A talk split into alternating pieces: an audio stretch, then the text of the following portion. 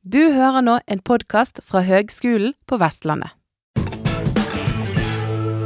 Hei, alle sammen, og velkommen til podkasten Bærekraftige bygninger med meg, Anne Sofie Bjelland ved Institutt for byggfag på Høgskolen på Vestlandet. Her eh, fabler vi litt om eh, hva bærekraftige bygninger kan være, og snakker om ulike temaer som kan få oss dit. Sammen med den grønne revolusjonen som vi ser i byggebransjen nå, så har vi òg en annen revolusjon, og det er den digitale. Og disse her spiller jo selvfølgelig sammen og har innvirkning på hverandre. Men det vi prøver å gjøre, det er at vi prøver å bygge digitale tvillinger, med et mål om at de skal være så like det endelige byggverket som mulig. Hvis man har en digital tvilling, kan tvillingen kombineres med sensorer og programvare eh, i det eksisterende eller det ferdigbygde bygget, og dermed brukes i forvaltning, drift og vedlikehold f.eks. Men den digitale tvillingen er også viktig i byggeprosessen. Man kan planlegge bl.a. fremdrift, kostnader og logistikk, og vi hører nå òg om digitale byggeplasser eller papirløse byggeplasser. Vil si byggeplasser der man har ambisjon om å bygge etter den digitale tvillingen. Så man går altså ikke via papirtegninger som krever revidering osv., men man skal bygge etter den digitale tvillingen, som på en måte kan oppdateres jevnlig og kontinuerlig, og man, så, sånn at man hele tiden har siste versjon. da. Og dette byr selvfølgelig på mye forskjellig. Det byr på muligheter, eh, det byr på gevinster, men det byr også på utfordringer. Jeg har pratet med Eirik Oen Lie, som er daglig leder i Origo Arkitekter, og også timelærer ved Høgskolen på Vestlandet, der han underviser i nettopp dette temaet.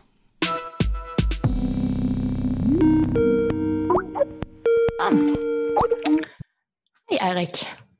Hei. Takk for at du vil prate med meg. Eh, vil du begynne med å fortelle litt om hvem du er, hvor, hva bakgrunn har du, og hvor jobber du nå? Ja, det kan jeg gjøre. Jeg jobber nå i, som daglig leder i Origo arkitektgruppe. Da har jeg også ansvar for BIM og CAD og den tegningsbiten.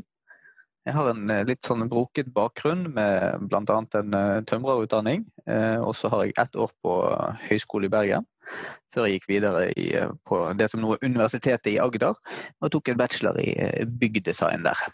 Så det, De siste 15 årene har jeg vært i Origo arkitektgruppe. Ja, og så jobber du eh, mye med, med BIM og digitalisering. Og, og eh, digital byggeplass eller papirløs byggeplass, det har jo liksom eh, blitt det store nå. Kan du si litt om hva det innebærer? Hvordan rigges disse greiene? Hvordan funker det? Ja, det er jo et veldig stort spørsmål, og det rigges jo forskjellig fra eh, prosjekt til prosjekt. Eh, og det kommer jo litt an på eh, både størrelsen på prosjektet, involverte aktører og, eh, og egentlig både type prosjekt. Er det ombygging, rehab-prosjekt, er det nybygg?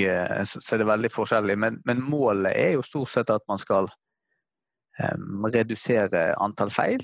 Og få en mer dynamisk distribusjon av, av, tegninger. At ikke man sitter med si, gamle sett med tegninger og, og generelt få en bedre sporbarhet og, eh, og, bedre flyt i prosjektene, er målet. Ja, men det er målet. Men hvordan er riggen på det, da? Hvordan funker det?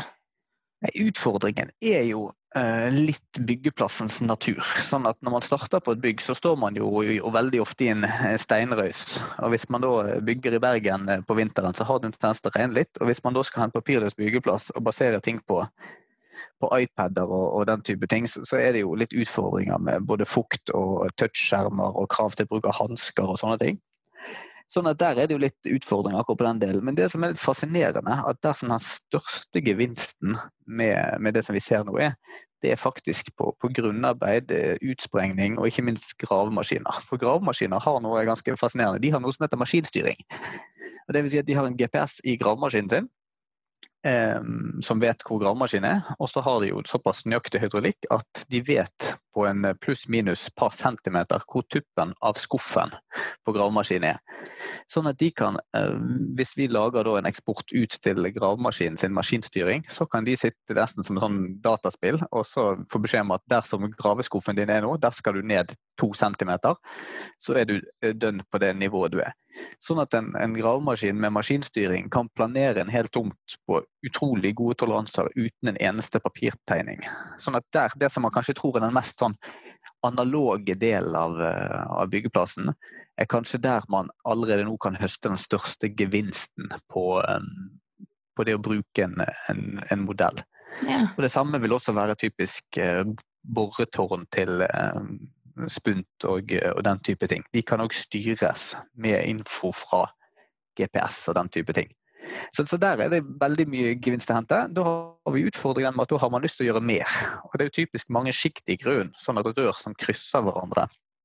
Eh, har man kanskje lyst til å få, få modellert inn eh, grøftebunner i flere etasjer, sånn at de som sitter og kjører gravemaskin kan planere ferdig for rørleggeren. Så kan han bare ligge det med ferdig fall rett, rett ut i grunnen. Så, så der det, gjøres det mye bra. Og når eh, huset da kommer oppover, så er jo det som, jeg, som jeg sa, litt utfordring av og til med å sette forskaling når du står i denne steinrøysen her, for å vite hvor, hvor er man, hva referansepunkt har man, og enkelttype type bunnplater og, og, dekker er jo forferdelig svære. Det er jo ofte snakk om konstruksjoner på 1000-2000-3000 kvadrat.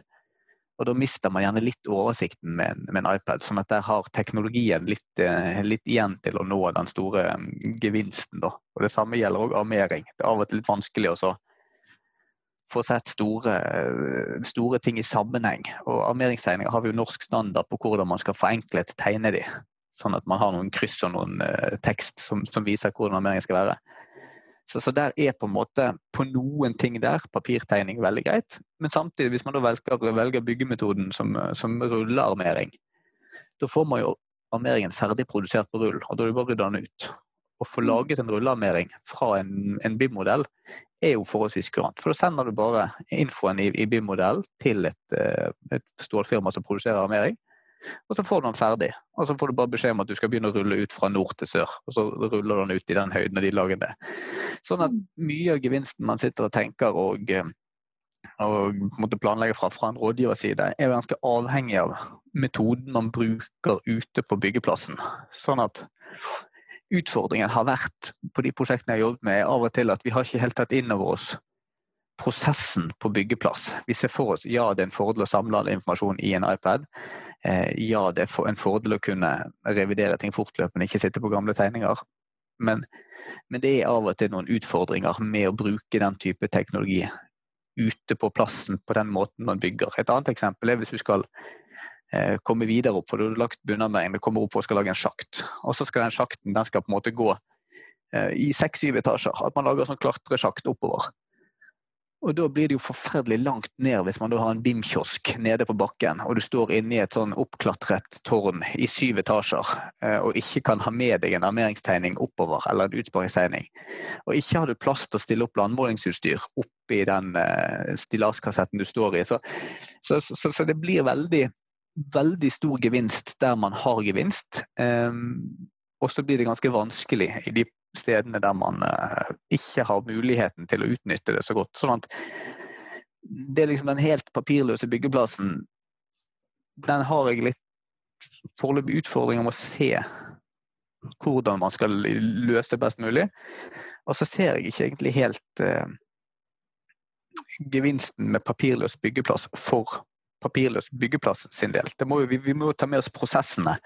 Vi, vi, vi må ta BIM, og så må vi, må bruke måte, det beste, beste, ut fra det, um, sånn at vi kan ta det videre. Sånn som min, min sånn drømmesituasjon med BIM på byggeplass er jo at man får disse tingene på plass. Man har fått støpt opp dekkene.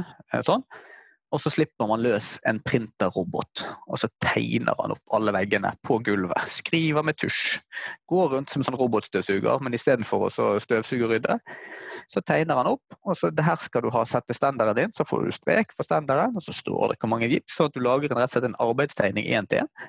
Og for den saks skyld kan også markere ut for alle fag, sånn som markere ut for elektro si at her skal du sette en stikkontakt. Og så kan du for den saks skrive ut en QR-kode. sånn at Når du kommer og har montert den, kan du montere stikkontakten din, skanne stikkontakten, så får du eh, og så skanner du på gulvet. Så kan du få en bekreftelse inn til de som styrer prosessen at nå har, du, nå har elektriker montert eh, rett stikkontakt på rett plass til rett tid da begynner vi virkelig å få den store gevinsten av det. Nå er utfordringen litt eh, rett og slett det også Hvis du har behov for et mål, hvor skal du finne det målet? Og er det hensiktsmessig at du må gå inn i en iPad og måle, eller er det greit at noen gir det målet til deg? Det, det er på en måte en oppgave som, som må gjøres. Hvis man trenger et mål for å plassere en vegg, en stender, så må jo noen på et eller annet nivå finne det målet. Er det riktig at tømreren skal finne det målet, eller er det da riktig at en arkitekt eller en ingeniør gir det målet til tømreren? Ja, Nå er du inne på noe som er litt interessant. for Jeg bare hører når du beskriver det nå, sant? så uh, Du legger til grunn at det finnes en digital tvilling av det som skal bygges. Som ja. er helt nøyaktig, og som er uhyre detaljert, sånn at eh, gravemaskinen kan grave eh, akkurat sånn som man skal, at ikke det gjøres feil. At, eh, at, at ting blir som de skal være. Sant? Så det krever jo en, en, en, mye større detaljeringsgrad i prosjekteringen.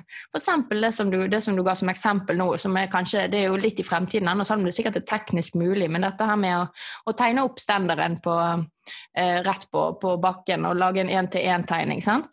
Mm da, da må jo du planlegge hvor eh, hver standard skal, mer eller mindre. Eller du må detaljere mer enn man, man kanskje gjør i en digital tvilling i dag, der man tegner en vegg. Ja, der var jeg kanskje litt, litt upresis, for dette har vi faktisk testet. Men ikke med en gulvgående printer, men med en landmåler som stakk ut eh, det bunnsvill vi stakk ut. Ja. Sånn at vi rett og slett tok en vegg. For det, han er jo stort sett på alle prosjekter de siste, siste årene, så er jo veggen delt inn i sjikt. Eh, du har gjerne to lag gips på en side, og så har du en, en, en, en isolert eh, standardkonstruksjon. Så det er riktig som du sier, vi, vi modellerer ikke standardplassering, men, men bunnsfil er der. Sånn at, sånn at, Det som vi gjorde da, som en test, var at hvis vi har et landmåler, og han stiller opp inne, og så eh, setter vi rett og slett et landmålingspunkt på hver side av eh, si, eh, bunnsvilen, og så strekker vi en krittsnor imellom, og så snapper vi krittsnoren. Sånn at vi på en måte vi tegnet opp eh, en hel sånn etasje, men, men nå går det for treigt. Vi bruker for lang tid på oppstilling med, med landmåler og med, med den krittfunksjonen. Og vi fikk liksom ikke gleden av å få med oss hvor mange gipslag vegger og sånne ting. Men, men, vi fikk jo en veldig nøyaktig plassering av veggene. Ja, ja. Um, og så inndeling av standarden er jo som du sier, den er jo gjøres jo nå på byggeplass, plassering, for det skal jo gå opp i en 60-modul. og Da er man jo helt avhengig av å vite hvilken side av bygget starter man å bygge. Mm. For hvis, hvis, de på byggeplass konkluderer med at det er lurt å starte i nordenden av bygget mens man har prosjektert ut fra sørenden, så vil jo ikke noen ting gå opp med noen ting. Mm. Så, så, men det er jo helt riktig som du sier, at dette òg eh, for at man skal ha en gevinst av, av den modellen, så er det jo veldig høye krav til at den er veldig god, detaljert, og at den ikke inneholder feil. Og Kanskje det er det som er den største utfordringen, sånn som det er nå, er at han mangler typisk eh, rørklammer. Han mangler typisk eh, en del sånne festeanordninger til stål og sånne ting. Så det er mye mer eh, fysiske ting på byggeplassen enn det ser ut i modellen. Så det gjør at man får en del kollisjoner på plassen som, som ikke man i den digitale tvillingen trodde skulle være der. For det ser jo ikke ut som det er der, men når vi kommer på plassen, så er det forsterkningsplater på, på stålet. Det er sveiser mellom eh, rett og slett stål og bjelken. Den, hvis den sveises fast, så går det jo plutselig halvannet to centimeter i en sånn 45 graders sveisefuge som man ikke så for seg at var der. Så man har en del eh, detaljeringsutfordringer enda. ennå. Men, men, det er jo ting som man jobber med, og det, det pågår. Mm.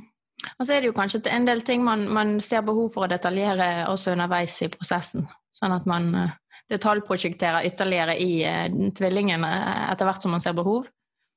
Ja, Det er jo litt jeg kanskje frykter med at blir et resultat av den. Når man ikke har det behovet med at tegningene skal være ferdig i så lang tid i forveien, så driver man kanskje og skyver litt for mye av detaljeringsprosessen til ting pågår, og at man da eh, ikke er kommet så langt som man burde med, med prosjekteringen når man starter å bygge. For man man skal jo bare følge fortløpende med, med en modell. De trenger ikke dette ennå.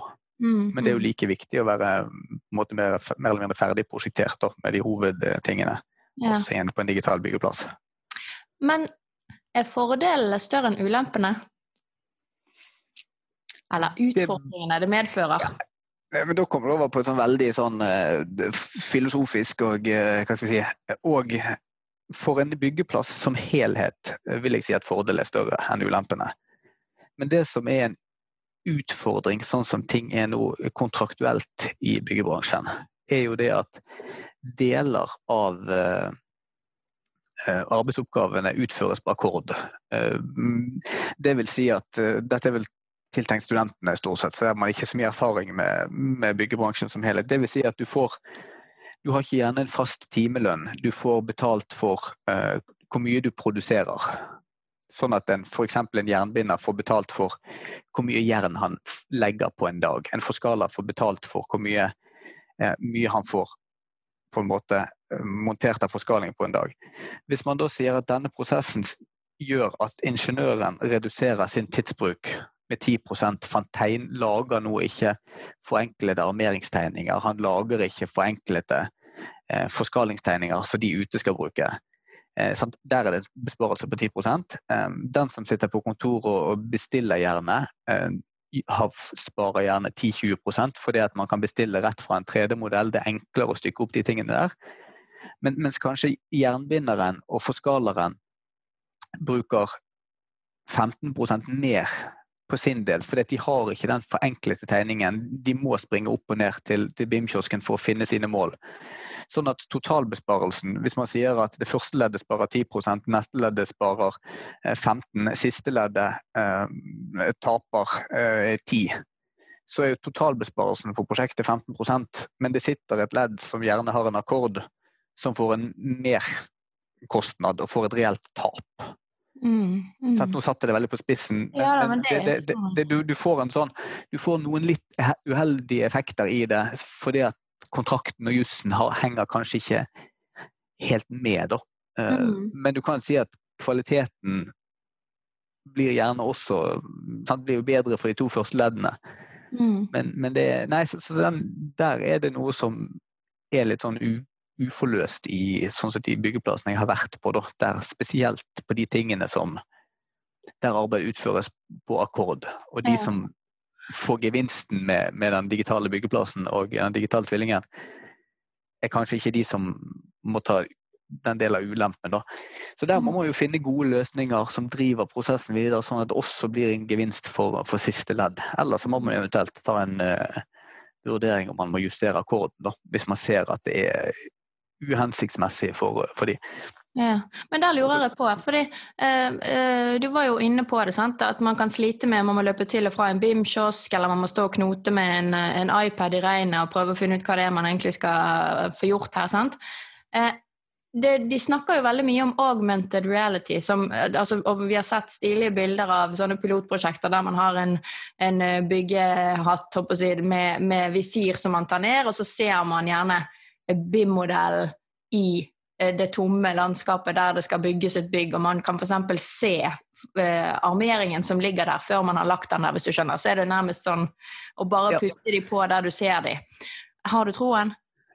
Eh, der er det jo to, to, ting. Den teknologien er jo ikke der på byggeplass nå, sånn at den får vi ikke testet. Det som jeg tror er problemet, nå skal jeg være litt forsiktig her, at det ikke blir han som ikke hadde tro på internett, som var en, en mye brukt uttalelse for noen år siden, og det var et blaff. Men eh, det, så, det, som kan være utfordringen med, med augmented reality, akkurat spesielt på, eh, på armeringssiden og den biten der, er jo en at du har fremdeles det samme problemet med regn på briller. Er, du får jo det på også de augmented reality. Og så er det noe med at de står og kapper med, med vinkelsliper. Det er jo krav til eh, vernebriller på byggeplass nå, eh, på de aller fleste byggeplasser.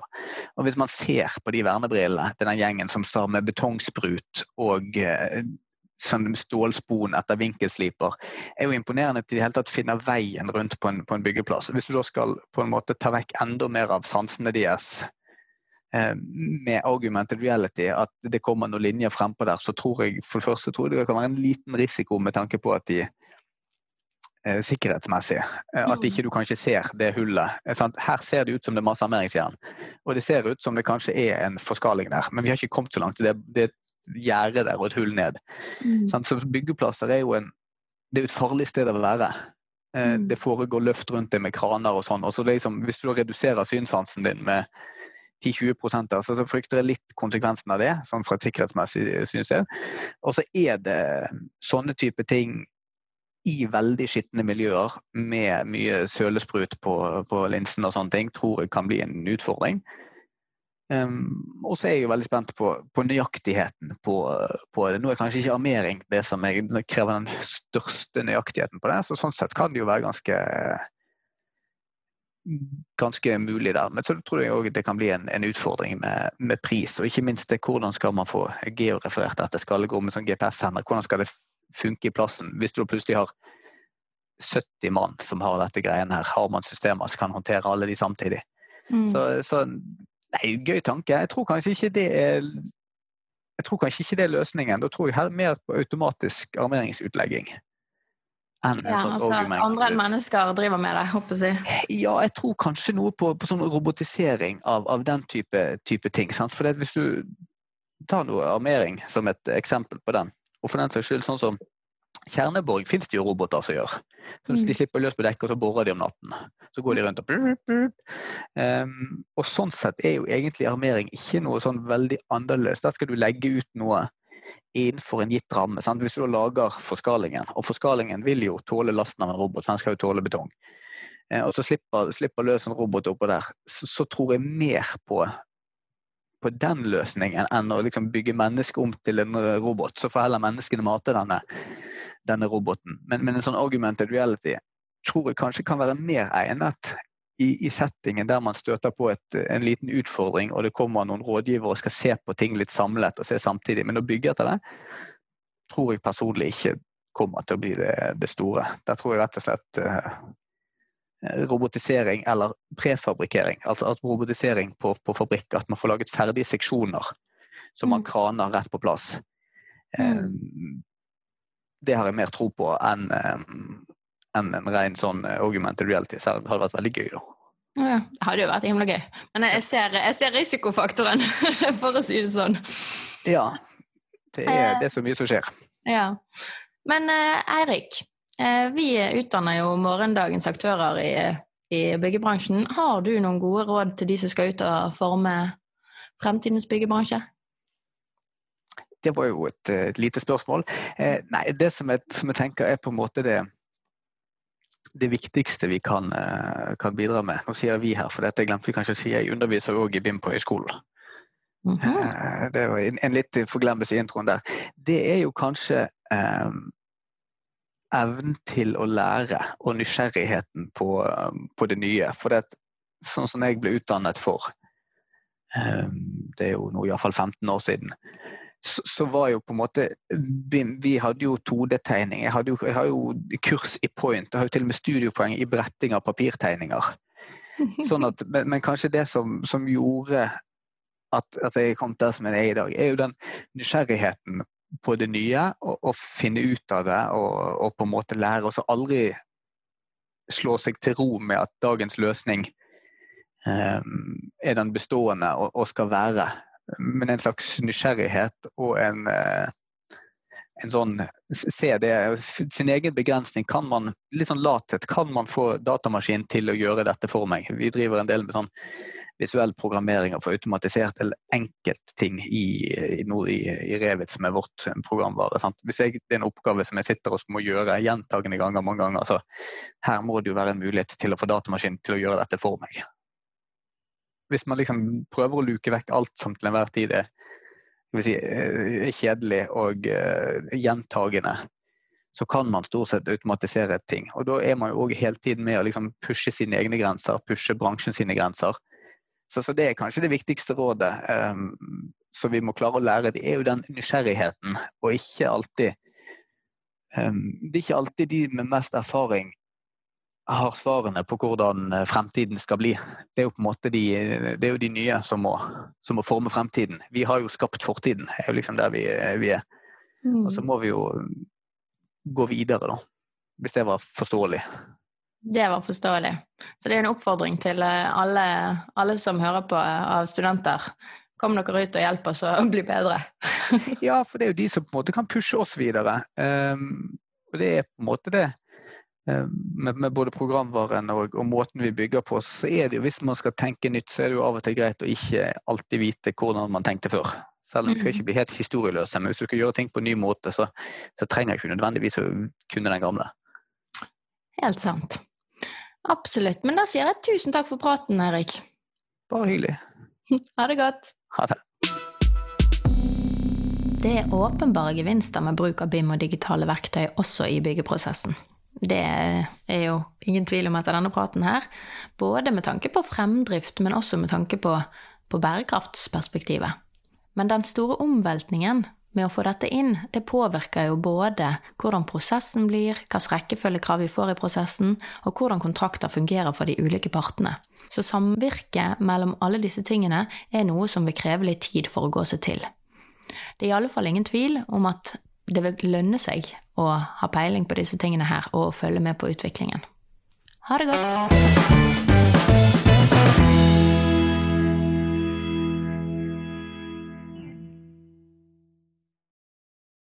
Du har nå hørt en podkast fra Høgskolen på Vestlandet. For å høre flere podkaster, besøk hvl.no slash podkast.